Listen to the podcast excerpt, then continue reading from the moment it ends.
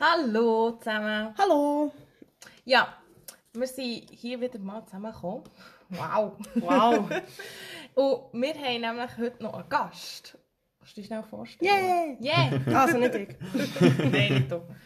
Hallo zusammen, ich bin der Fabian. Ich äh, studiere Psychologie im ersten Jahr und äh, ja, bin jetzt da Gast äh, im Podcast. Freue mich sehr, dass ich da da sein Merci vielmals. Cool. Sehr cool. Ja, Cool, wir freuen uns auch. wir haben wieder mal einen Gast. Mega cool. Gell? Wir müssen mehr Gäste einladen. Ja, wir haben das jetzt gerade beschlossen. Ja. Also jetzt. Also immer noch, wenn irgendjemand Interesse hat, mit uns zu reden, einfach bitte melden. Ja, genau. Wir schnurren gerne und äh, ja. Und viel. Und überhaupt. Also, ähm, Jessie, was haben wir heute für ein Thema? Ähm, ja, aber wir haben gesagt, wir schauen heute mal zwei Themen an. Das erste würde ich mal sagen, haben wir gesagt? Einsamkeit. Mhm. Würden wir mal das ein bisschen thematisieren, weil das, glaube ich, auch noch so ein bisschen wie immer ein Tabuthema ist und nicht so gross äh, thematisiert wird. Ja. Genau. Also, ja, was ist das eigentlich, das Einsamkeit? Also, jeder von uns hat irgendwie mal, sehr wahrscheinlich in seinem Leben erlebt, dass man mal einsam ist. Und, aber aus was entsteht das oder wieso entsteht das Gefühl? Das ist so ein bisschen die Frage, Da die würde ich ich mir mal-. Dann würde ich mal da unseren Gast reden, weil ich glaube, er hat da recht äh, eine kleine Ang also, äh, Eine äh, Ansicht? eine Ansicht, vielleicht eine andere Ansicht als mir und vielleicht auch ein bisschen, ja. Was würdest du jetzt sagen? Was Ja, voll. so? Eben, ich muss noch dazu sagen, kleiner Disclaimer, ich ähm, bin im ersten Jahr Studium. Also ich habe mich eigentlich sonst, äh, schon mit dem Thema auseinandergesetzt und Genau. interessiere mich eigentlich für das Thema Einsamkeit. Ich kann auch kurz über Betroffenheit noch reden, nachher, aber ähm, ja, eben, ich bin kein Experte in diesem Maß. Ähm, beim Thema Einsamkeit für mich ist halt wichtig zu unterscheiden, wir haben es vorher auch schon kurz angesprochen, bevor wir haben angefangen aufzunehmen, ähm, dass Einsamkeit etwas sehr Subjektives ist und dass es halt einen grossen Unterschied gibt zwischen ähm, allein sein und einsam sein. Mhm, also genau. das ist so das. Und äh, ja, es ist, es ist viel so, dass man allein ist, weil man halt eben irgendwie viele Sachen allein macht. Wenn man allein wohnt, geht man allein einkaufen ähm, Genau. und, äh, und, und so Sachen. Aber es muss nicht zwangsläufig heißen, dass man sich einsam fühlt, weil das ist etwas, das ja, es ist ein bisschen ein gemeines Gefühl, das kann einem so plötzlich beschleichen, obwohl man Familie hat und Kollegen und alles drum und dran.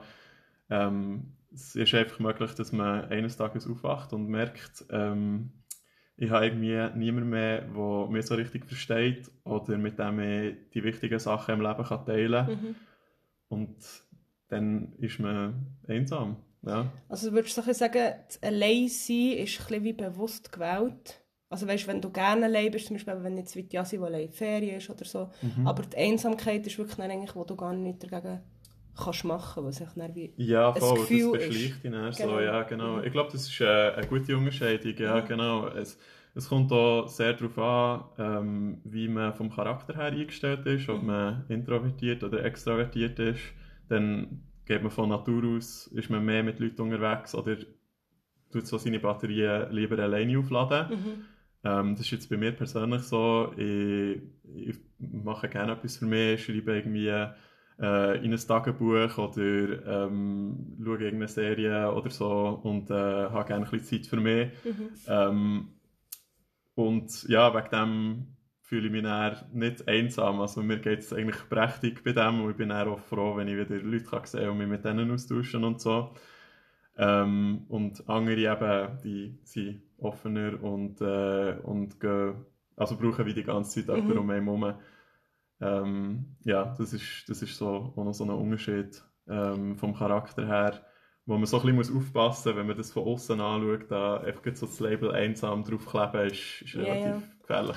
Ja, weil ich jetzt das eben auch, ich bin jetzt allein in den Ferien und da habe ich von vielen die Reaktion bekommen, wo ich gesagt habe, ja, ich gehe alleine. Ich, nein, wie kannst du das? Und das war für mich wie so logisch, gewesen, dass ich einfach mal Zeit für mich verbringen und mal wirklich Zeit für mich. Es war recht cool, gewesen, weil ich ja nämlich auch praktisch kein Internet hatte und so, also ich wirklich mich mit mir müssen auseinandersetzen Mhm. und ja, und das ist ich habe mich überhaupt nicht einsam gefühlt oder so, weil ich so mit mir im Reinen war eigentlich. Und das ist recht cool. Und bin dann auch fast überfordert gewesen, wo wir dann im Restaurant gehockt und so viele Leute um mich herum waren. Also, weißt du, in dem Sinn. Aber ich weiß nicht, ich, ich habe immer so das Gefühl, weißt du, du hast jetzt vorhin gesagt, wegen extrovertiert und introvertiert. Ich habe das Gefühl, manchmal, dass Leute, die eher, sage jetzt mal, extrovertiert sind, Mhm. auch eher dazu neigen, mal in so eine Einsamkeit Ja. reinzukommen, weil sie sich halt wie gewöhnt sind, weißt, immer hier jemand und da jemand und dort jemand und dass du dann eigentlich so viele Leute hast, die wo irgendwie auf dich einreden oder, oder wo, wo einfach um dich herum sind. Dass du Dass gar du- keine Zeit hast mit dir selber irgendwie. Nein, aber auch, dass oder- du dann wie abhängig bist von dem. Von und, und, Leuten, und dass ja. du zwar von jedem ein bisschen etwas bekommst, aber eben so wie du vorhin gesagt hast, dass man sich dann wie nicht mehr verstanden fühlt. Also du hast zwar mega viele Freunde und mega viel Einfluss, aber irgendjemand, der dich wirklich versteht, also ich weiß nicht, ich habe eigentlich Ja. manchmal das Gefühl, dass das vielleicht auch daran liegt, eben, wenn du extrovertierter bist, dass du auch eher in eine Einsamkeit kannst reinrutschen. Okay, ja. Also Ja, ist jetzt noch schwierig zu beurteilen. Ich weiss jetzt nicht, ich hätte jetzt da keine aktuelle Studie parat.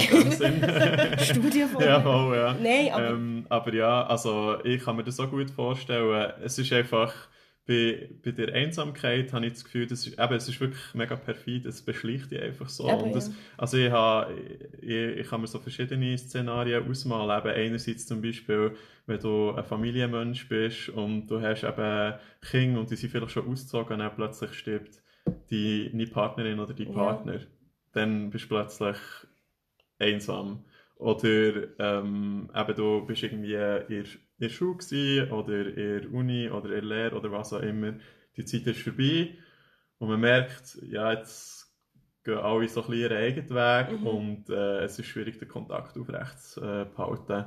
Oder es kommt eine Pandemie und äh, alle müssen plötzlich daheim bleiben Mhm. und es ist sehr viel schwieriger, ähm, mit Leuten in Kontakt zu treten und etwas, ähm, also wirklich so, wie soll ich sagen, ähm, Beziehungen halt auf einer tieferen Ebene zu Mhm. pflegen. ja. Und ja, das kann eigentlich wie allen Menschen so ein bisschen passieren. Also das ist, ja, es ist einfach krass, wenn man dann plötzlich in dieser Situation ist und es ist schon mega schwierig, wieder aus dem rauszukommen.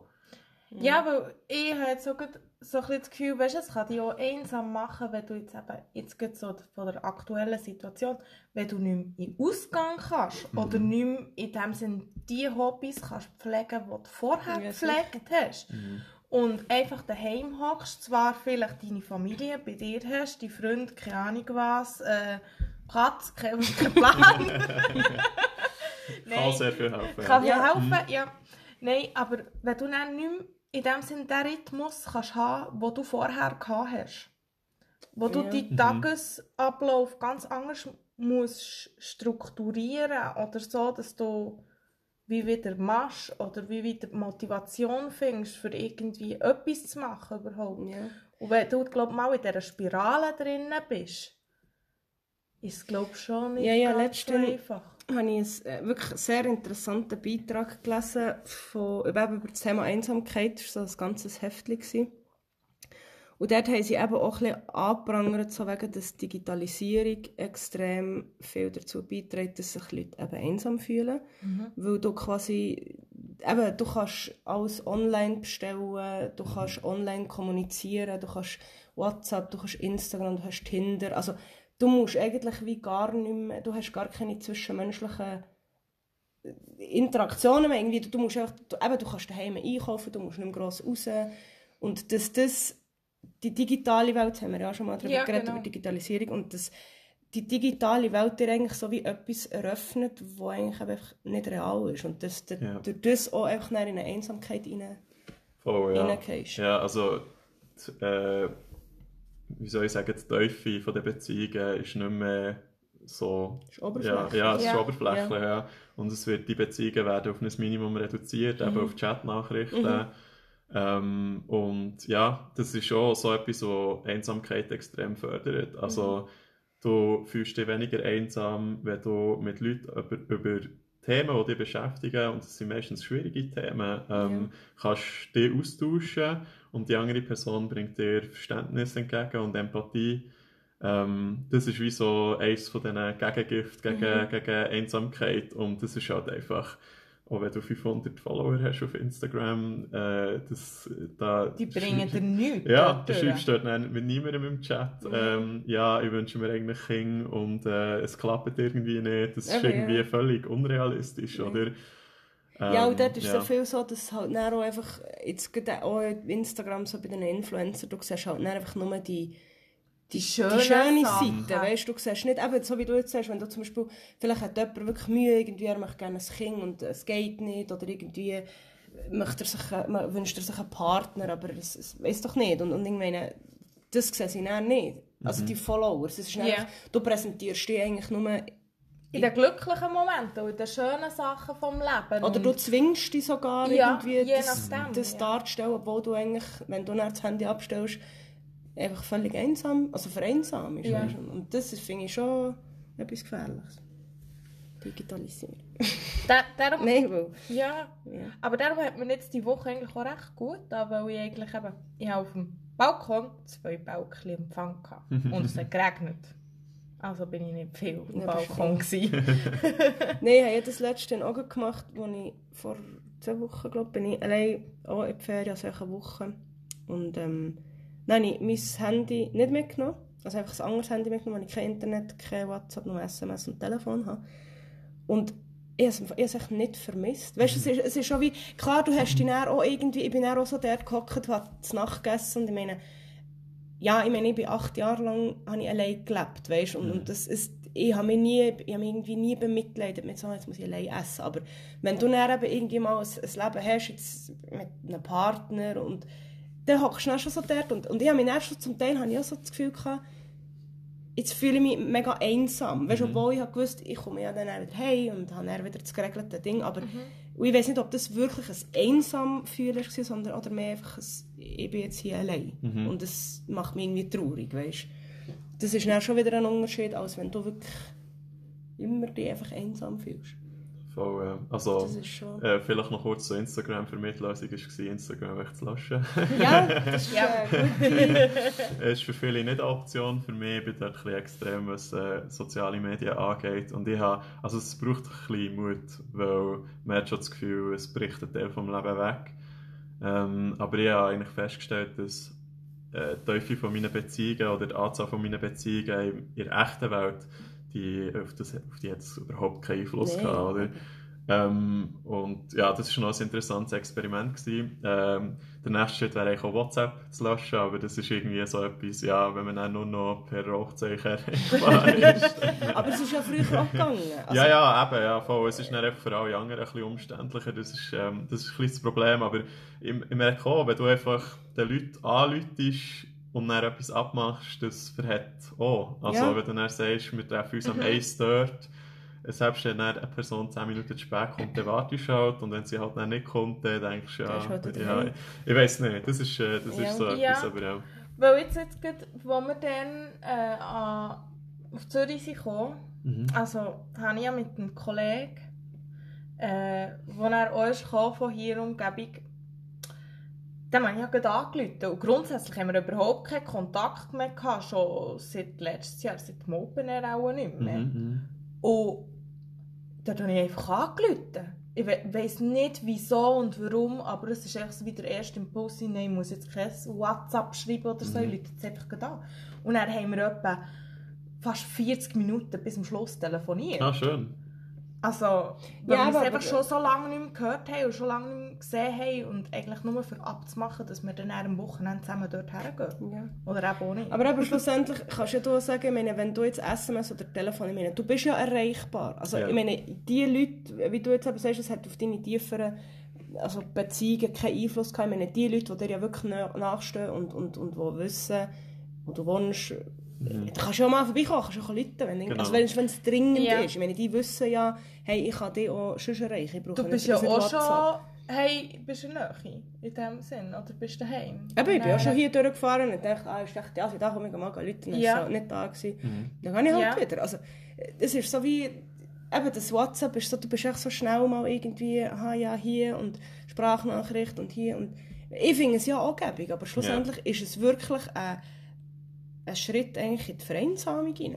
Auf Ja, längere voll. Sicht gesehen. Das ist so ein Fall, weil man hat dann vielleicht zumindest unbewusst das Gefühl, 100 WhatsApp-Nachrichten ersetzen ein richtiges Gespräch, aber Ja. Ja. vielleicht ist es nicht ganz so. Nein. Ja, und gleich, wenn man eben dann auch immer das Hin und Her und Hin und Her und Hin und Her, ist dann gleich einfach nur so, aber gerade so der Oberfläche kratzt vor Kommunikation. Ja, ja. Mhm. Aber ich erlebe das- ausleben Ich erlebe das so viel bei mir im Job, wenn wir haben Leute, die schreiben mit Kunden 100 Mails hin und her. Mhm. Und ich bin halt dann so, wenn ich sehe, okay, ein Kunde schreibt uns jetzt ein Mail, er hat irgendein Problem, dann rufe ich dem an. Und dann sage ich, hey, schau, wir können es zusammen am Telefon, aber was bringt es mir, wenn ich da 500'000 Mails hin und her schreibe und, und, und schlussendlich ist das Problem vielleicht eh nicht gelöst. Und er muss eh, es muss eh irgendwie noch eine direkte Kommunikation haben. Weißt? Mhm. Ja. Ja. Aber, das ist schon genau mit dem Job. Ich bin zum Beispiel auf, per Mail bin ich nicht erreichbar. Also, Also, wir- Job?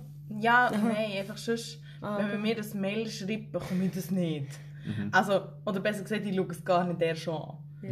Und vielleicht finde ich es dann vier Wochen später. oder, ja, Ah. genau.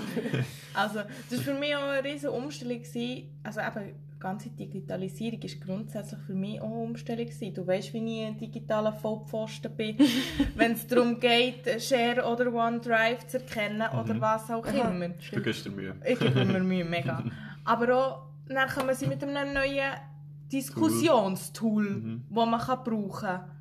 Ich Ja. wieder masslos überfordert, wie ich da, und dann heisst es genau, und ich weiss es, ja, wenn du eine Sprachnachricht machst, nervt es mich nur. Mhm. Und, und ich bin halt einfach da durch, das ist Ja, halt ja. einfach für mich viel gäbiger. ja. Weil dann habe ich es klar ausgedrückt, klar, so wie ich schnurre, rede ich noch um 100 heissen Brei herum. Aber du könntest Aber- in dem Sinn könntest Sprachnachrichten auch wegnehmen und einfach anrufen. Ja, Das wäre noch effektiv. das ist Genau. es so, Theoretisch. Das ist halt so das, was die heutige Zeit so ein bisschen mit sich bringt, mit dem flexibel sein, eben einerseits sich anpassen an neue Gegebenheiten ähm, und äh, ja, halt andererseits auch habe ich festgestellt, dass das mit den, mit den Leuten, die man hat im Leben, dass das wie so ein gewisses Muster, äh, dass sich das abzeichnet. Also gewisse Leute, die bleiben sehr lang im Leben, aber es gibt dann auch immer wieder Leute, die dazukommen und dann wieder weggehen. Und das ist, glaube ich, auch so etwas, ähm, wenn man Probleme hat mit Einsamkeit, dann hilft einem das zumindest so zu einem gewissen Grad, äh, wenn man weiß, es ist normal, dass Leute aus dem Leben, aus dem eigenen Leben wie ausscheiden und neu dazukommen.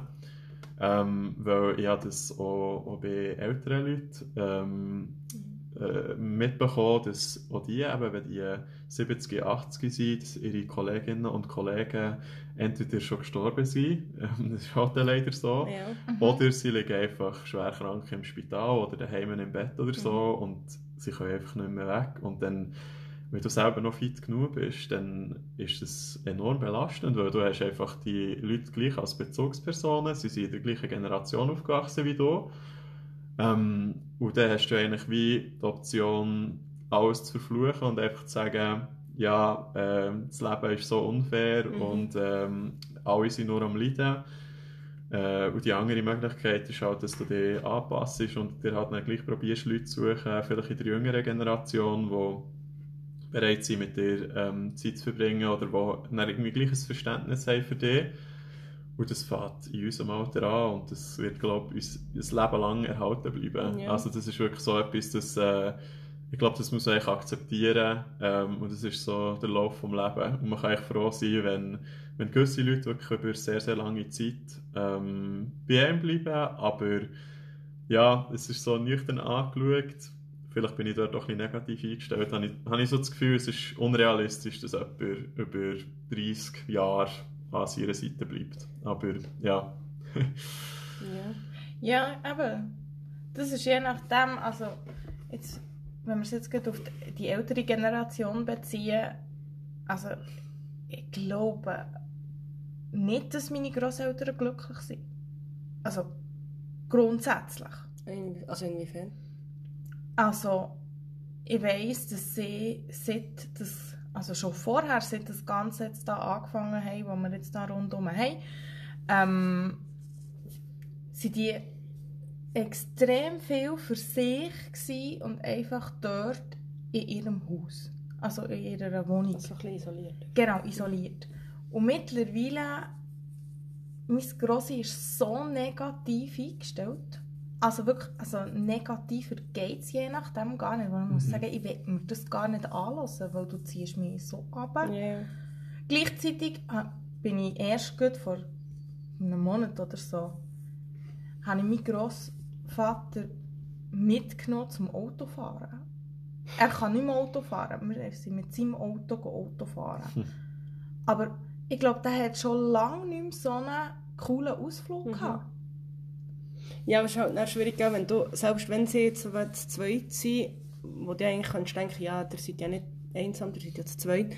Aber wenn du halt dann jemanden hast, ich weiß ja nicht, wie die Grosspapi jetzt ist, aber wenn du dann halt immer jemanden hast, wo, wo eben dann negativ ist und, und immer, dann zieht es dich vielleicht dann auch so ein bisschen Ich glaube, die ziehen rein. sich gegenseitig Eben. weißt, ab. Weil gell, mit Grossvater geht es eigentlich grundsätzlich nicht so gut. Also körperlich, sonst oben im Hirn ist er noch ganz, Ja. ganz benangbau gesagt. Nein, aber dort ist halt einfach das Körperliche, das einschränkt, das die anschießt, wo langsam aber sicher mühsam wird und das kann ich mir schon vorstellen, dass von einer Einsamkeit, auch wenn du zu zweit bist, gleichwohl auch noch ein bisschen in eine Depression hineingeht, irgendwo Ja. durch. Ja, also ich kann da vielleicht aus persönlicher Erfahrung ein erzählen, weil ich habe das ähm, mit der Einsamkeit auch schon selber erlebt, auch über eine gewisse Zeit. Und es war wirklich auch so, gewesen, wie ich vorher beschrieben habe, es hat mich so ein bisschen beschlichen, weil äh, eben, ich habe eigentlich gute Kollegen und ich, habe, äh, ich bin dann an der Fachhochschule, Fachhochschule am Studieren gewesen, ich habe vorher schon studiert. Ähm, und dann waren halt Semesterferien gewesen, über ein paar Wochen. Und ich habe 60% gearbeitet, weil, ähm, ja, weil ich halt sonst noch Schule habe und die restlichen 40 bin ich in der Schule. Und dann hatte ich halt dann plötzlich vier Tage Wochenende gehabt in dem Sinn, was ja eigentlich der Traum ist. Aber ja, es war halt irgendwie Februar, März gewesen und ähm, ja, ich habe eigentlich wie nicht viel los gehabt, sagen wir es mal so, oder? Und ich bin echt drei Tage arbeiten und dann vier Tage daheim, also mehr daheim als, als äh, beim Arbeiten unterwegs. Und äh, ich habe dann schon geschaut, dass ich am Wochenende mal einen Ausgang hatte oder so, aber es ist halt einfach, ich habe irgendwie nichts gehabt zum Lehren, ich habe irgendwie nichts gehabt zum äh, sonst unternehmen, ich war dann nicht in einem Verein aktiv gewesen. Und äh, ja, es war gelinde gesagt sehr belastend gewesen, oder? Ja. Und ähm, das ist dann wirklich auch so etwas, da fährst du dann, da gehst du dann wirklich so in ein Loch und du fährst auf Hirn, was könnte ich machen? Und das Krasse ist dann, dass bei der Einsamkeit, dass du selber weißt, du bist einsam. Und dann hast du das Gefühl, ich muss etwas dagegen machen. Und wenn du dann ähm, irgendwie etwas probierst, so aus der Verzweiflung raus quasi, dann vermittelst du den Leuten das unterbewusst. Und dann ist es irgendwie mega schwierig ähm, für Leute mit dem umzugehen, weil sie das irgendwie auch nicht können zuordnen können, weil du gehst ja dann nicht zu ihnen her, hey, ich bin einsam, by the way, ähm, können wir irgendwie etwas machen miteinander Also, oder was so. vermittelst du nicht, dass du Ähm, verzweifelt bist? Oder? Oder ja, dass so oder einfach eben die Einsamkeit, ja, Okay. voll, dass du einfach wie Anschluss suchst. Ja, Ähm, und ja, dann, also das ist dann wie so, äh, ja, ähm, wie soll ich sagen, du bist dann einfach gefangen in dem, Mhm, weil äh, mhm. jede neue Beziehung, die du probierst anzufangen, über der ähm, ist einfach so wie so die Woche schon von der Einsamkeit und ähm, es ist irgendwie auch schwierig, bestehende Beziehungen einfach so zu verteufeln, wenn du wie das Gefühl hast, ah ja, die Leute haben, die verstehen mich nicht. Es ist, es ist relativ... So ein Teufelskreis. Ja, genau, ja. Ja. Mm. Ja, weil probierst du dann nicht auch die an jeder neuen Beziehung oder jeder neuen Person wie gleich ein bisschen fest zu krauen. Genau. Mm. Und für je nachdem die Person ist das dann schon fast wieder oh, Ja. verdrückend. Ja, genau. Also eigentlich das Gegenteil von dir. Mhm.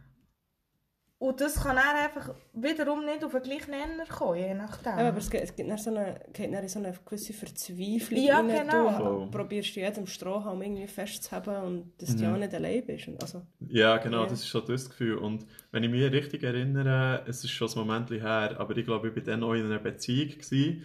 Und äh, das, ist, das ist nicht unbedingt die Rettung. Also, ich habe, das Problem war auch, gewesen, dass wir uns zu dem Zeitpunkt eh schon nicht mehr so gut verstanden haben. Und ich habe dann schon realisiert, ähm, ich kann mit ihr äh, gewisse Sachen einfach nicht ansprechen, Mhm. weil sie nicht offen ist für Mhm. ähm, so viele, also für so gewisse emotionale Themen. Ähm, was ja auch okay ist, weil ja eben gewisse Leute äh, haben einfach Probleme mit dem und das kann ich auch verstehen, aber es ist halt für mich in dieser Situation super belastend gewesen, weil du denkst echt so, ja, zumindest in der Partnerschaft solltest du über das können reden und das Mhm. ist jetzt halt einfach nicht der Fall gewesen, weil sie hat nicht können für mich da sein ähm, in dieser Art und Weise, wie ich es hätte gebraucht. Ja. Und das ist dann nochmal, da bist du wirklich echt da und denkst, oh Scheiße, also es ist wirklich, äh, wie komme ich aus dem wieder raus, oder? Mhm. Aber eben ist so eine Erwartungshaltung eigentlich, dass du, wenn du in einer Beziehung bist, dass die Partner dich eigentlich wie fast muss verstehen. Also es ist so wie eine... Ja, Und dann habe ich wie das Gefühl, bist du noch eher in einem Ding, dass du sagst, eben nicht mal mein Partner versteht mich. genau. Also es ist so, du das bist ist völlig... wie so komplette ja, Bankrotterklärung. ja, so. ja, das kann ich schon verstehen. Ja, es wirft ja komplett aus der Bahn. Also, aber wenn du nicht mal wie die Person, die du eigentlich eben so nimmst, als, oder eben auch die anderen Personen, wie dort wirklich keinen Anschluss mehr findest. Oder du hast einfach den Halt nicht. Ja, aber du- der, ja, das meine ich. Du der denkst Halt vielleicht nicht. mehr sogar... rutscht irgendwie, irgendwie mehr Ja. runter, oder? Ja, oder so ein bisschen sogar die Person, die mir eigentlich am nächsten steht, wenn das jetzt in einer Beziehung ist, kann nicht, wie, eben das, wie du gesagt hast, nicht für mich da sein, wie ich es brauche. Und dann denkst du vielleicht so, ja, wer kann es denn sonst, weißt Ja, genau. Das ist so die Das Überlegung. ist, ja. Und halt dann dazu kommt, sind ähm, andere Sachen, die man halt so hört, wenn man sich mit dem Thema auseinander- auseinandersetzt, wenn man interessiert ist oder eben sogar betroffen ist.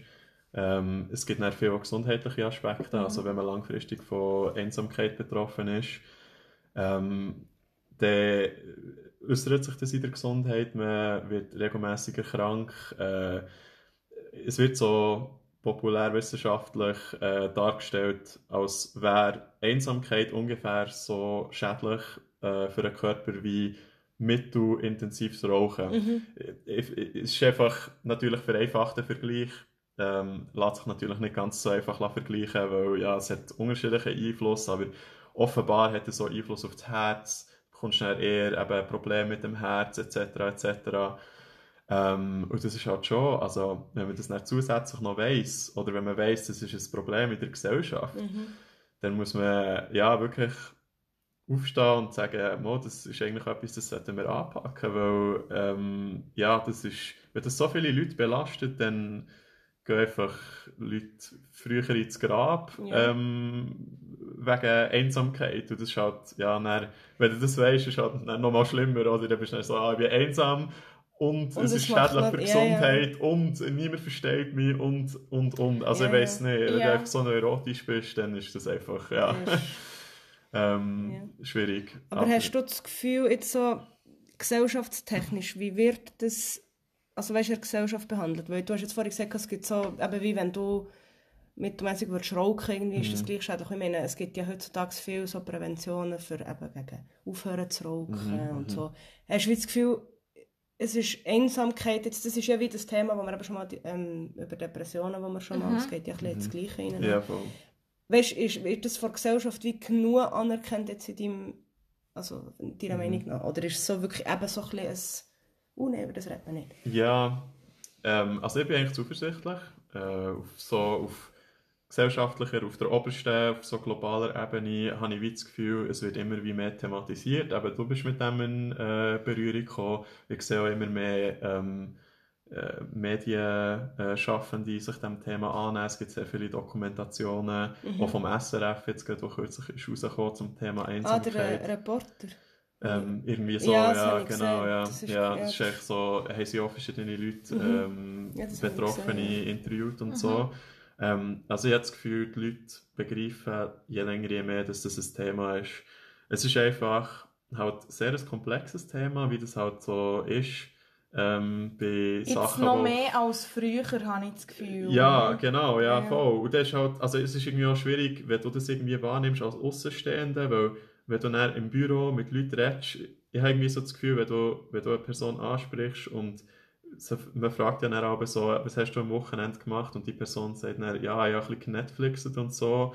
Ähm, dann eben kann das einerseits sein, weil sie einfach gerne Netflixet und gerne allein ist, oder sie ist einsam. ist aber Hilfeschrei, ist es dann wirklich so in deinem Aufgabenbereich sozusagen, dann sie darauf anzusprechen, so hast du jemanden, mit dem du kannst Zeit verbringen und so. Es ist halt mega schwierig. Also ich nehme es den Leuten nicht übel, wenn sie sich dem nicht wollen oder nicht können annehmen. Aber es ist halt einfach, ja, offenbar ein grösseres Problem, als man es annimmt. Und ähm, ja, es ist halt irgendwie noch schwierig, das so von der gesellschaftlichen Ebene so unter Anführungs- und Schlusszeichen in die Realität zu übertragen, weil ja, eben, man ist halt dann auch, es ist, ein- es ist eben ein riesen Problem und mega komplex und verschi verschiedene Leute sind aus verschiedenen Gründen einsam und es gibt dann nicht wie so die Wunderlösung Ja, und ja. äh, ja, darum ja, es ist schwierig, aber ich, ich finde es auf jeden Fall schön, dass man, dass man dem mehr Aufmerksamkeit schenkt und mit dem kommt dann ziemlich sicher hoffentlich auch mehr so das Verständnis für das, weil ähm, ich beobachte das nicht nur hier in der Schweiz, sondern eigentlich überall äh, in Europa und auch in den USA, ähm, wenn ich mir so ein bisschen Medien anschaue und ja, äh, man redet dann in den Medien, um dem auch so gewisse äh, Wichtigkeit beizumessen vor Loneliness Epidemic. Also ich, Okay, ja, ja. ich weiß nicht, ich finde das äh, immer ein bisschen übertrieben, aber vielleicht muss man das halt sein, um das äh, Thema auf den Radar zu bringen. So. ja. Ja, je nachdem bringt es vielleicht schon etwas, wenn man zwischendurch ein bisschen zu übertriebenen Mhm. darstellen, dass es populär Jetzt es ist, ja ex nein, es ist extrem viel populär jetzt äh, an diversen Themen im Moment. Mhm. und desto mehr man packt in dem Sinn, desto mehr kommt es halt irgendwo wieder, Kommt's wieder ein bisschen vor und darum finde ich es so wichtig, dass wir es jetzt hier auch ein bisschen ansprechen und vielleicht auch mal eben darüber diskutieren, wenn es jemandem auch so geht oder so, dass man das halt vielleicht auch kann, eben thematisieren und Mhm. ja, vor allem eben auch darüber reden. Genau. Auch wenn es irgendwie, es es ist sicher ein schwieriger Prozess. Also ich meine, ich weiß ja nicht, es, es redet glaube ich niemand gerne darüber so und sagt, hey, schau, ich fühle mich einsam oder mir geht es nicht gut oder Mhm. Aber ähm, was mich noch würde interessieren, ich habe in dem Artikel, den ich gelesen habe, ähm, ist eben auch ein Teil drin, gewesen, was können beitragen können, wenn du eben so einsam... Du, Du, habe ich ja gesehen. Ja! Habe ich ja gesehen. Aber ich sage, du hast jetzt, du hast jetzt ein Tier, also ein Tier, ich meine, also ich habe jetzt nicht das Gefühl, dass du dich immer sehr einsam fühlst. Nein, nicht Und sonst kannst du, weißt, Aber- kannst du mir immer anrufen. Aber, nee, aber ich muss wirklich sagen, also, es gibt, das kann ich auch von mir sagen, es gibt gewisse Tage oder gewisse Abende, wo ich wie nichts abgemacht habe, wo ich zuerst sage, ja mal, ich bin mega froh, habe ich nichts los. Und dann irgendwie am halb zehn oder so am Abend plötzlich hast du so das Gefühl, Scheiße. okay. Was ist das für ein Live? Genau, Ja. ja, nein, aber es ist so. Ja, ja. Und, du, da- äh, und es ist noch vielleicht eine Stunde, bis du gehst schlafen oder so. Nicht mehr in dem Sinn. Und du schaust Netflix und vorher hat es dir mega Spass gemacht, es war mega spannend gewesen, und plötzlich hast du so das Gefühl so, Scheiße, und jetzt? Du wirst so vom Ja, existenziellen Zug überfahren. Ja, genau. Also weißt du, es kommt so wie ein, ein Ding, so ein Schlag ins Gesicht, bald gesagt, wo Genau. du einfach so denkst, ja. Und was fange ich jetzt mit dem Ganzen an hier? Und jetzt nicht, dass es gestern so war, aber äh, gestern ist zum Beispiel, habe ich mit meinen Eltern zu Nacht gegessen, dann bin ich ache und dann bin ich hier gsi, habe eigentlich auf Netflix schauen, habe gefunden, nein, mache ich nicht. Dann ist meine Katze gekommen. Und dann, er kuschelt praktisch nie mit mir, also es ist überhaupt keine so kuschelige Katze oder so. Aber gestern Abend sind wir tatsächlich zusammen einfach auf dem Sofa gelegen. Ich bin halb eingeschlafen, er ist eingeschlafen. äh, ja, es klingt Jö. jetzt so Ja, ja. einsam in dem Sinn. Aber in dem Moment bin ich nicht einsam. Gewesen. Nein, aber ich habe das Gefühl, Tiere spüren halt dadurch Aber extrem die Nähe viel hat mehr. mir extrem gut da und ihm auch. Aber du hast, vielleicht, Sinn. du hast jetzt gesagt, du hast dich nicht einsam gefühlt, aber vielleicht hast du dich im Unterbewusstsein wirklich einsam gefühlt. Vielleicht. Und er hat das wie gemerkt. Ja. weil Ich bin auch mal, Das wo, kann gut sein. wo es mir irgendwie gar nicht gut ist, ich glaube, irgendwie ein Gestör mit meinem Freund gehabt, dann bin ich zur Kollegin dort heulend auf dem Sofa gehockt und was weiß ich. Hey, und dann kommen wirklich ihre beiden Katzen zu mir auf eine Chance. Und, Ja. Weißt du, es ist wirklich so, du, sie, du hast wirklich gemerkt, hey, sie kommen jetzt zu mir und dann ist es mir irgendwie also ja, das Problem war ja nicht gelöst, gewesen, aber es ist so wie, Es ist, es ist wie Erleichterung Es- irgendwie. ja, es, es wärmt einfach so das Herz. Du denkst so, es ist jemand da, auch wenn die Person dir keine Antwort, also die, die Katze dir keine Antwort kann geben aber es ist wie jemand da, wo du in dem Moment das Gefühl hast, hast der versteht mich, also das Lebewesen versteht mich jetzt, was, was ich gerade durchmache. ja. Und ich habe das Gefühl, es gibt ja auch sehr viele alte Leute, die, die sich halt dann irgendwie beim Alter einen Hund oder eine Katze oder einen Kanarienvogel oder was weiß Genau. ich suchen tun. Und Nein, ich weiß nicht, ob du... Ich habe das Gefühl schon, dass man mit Tieren extrem viel kann aufbauen kann. Klar, es setzt keine menschliche Beziehung in dem Sinn, ob es eine Freundschaft oder sonst eine Beziehung ist. Ähm, aber es ist eine Beziehung zu einem Tier und Ja. Ja, aber ich habe auch das Gefühl, wir dass, spüren dadurch auch mehr. dass es manchmal ist, das klingt jetzt ein bisschen böse, aber, oder wir nehmen es, Menschen nehmen es nicht wahr. Ja. aber dass es eine ehrlichere Beziehung Ja. ist.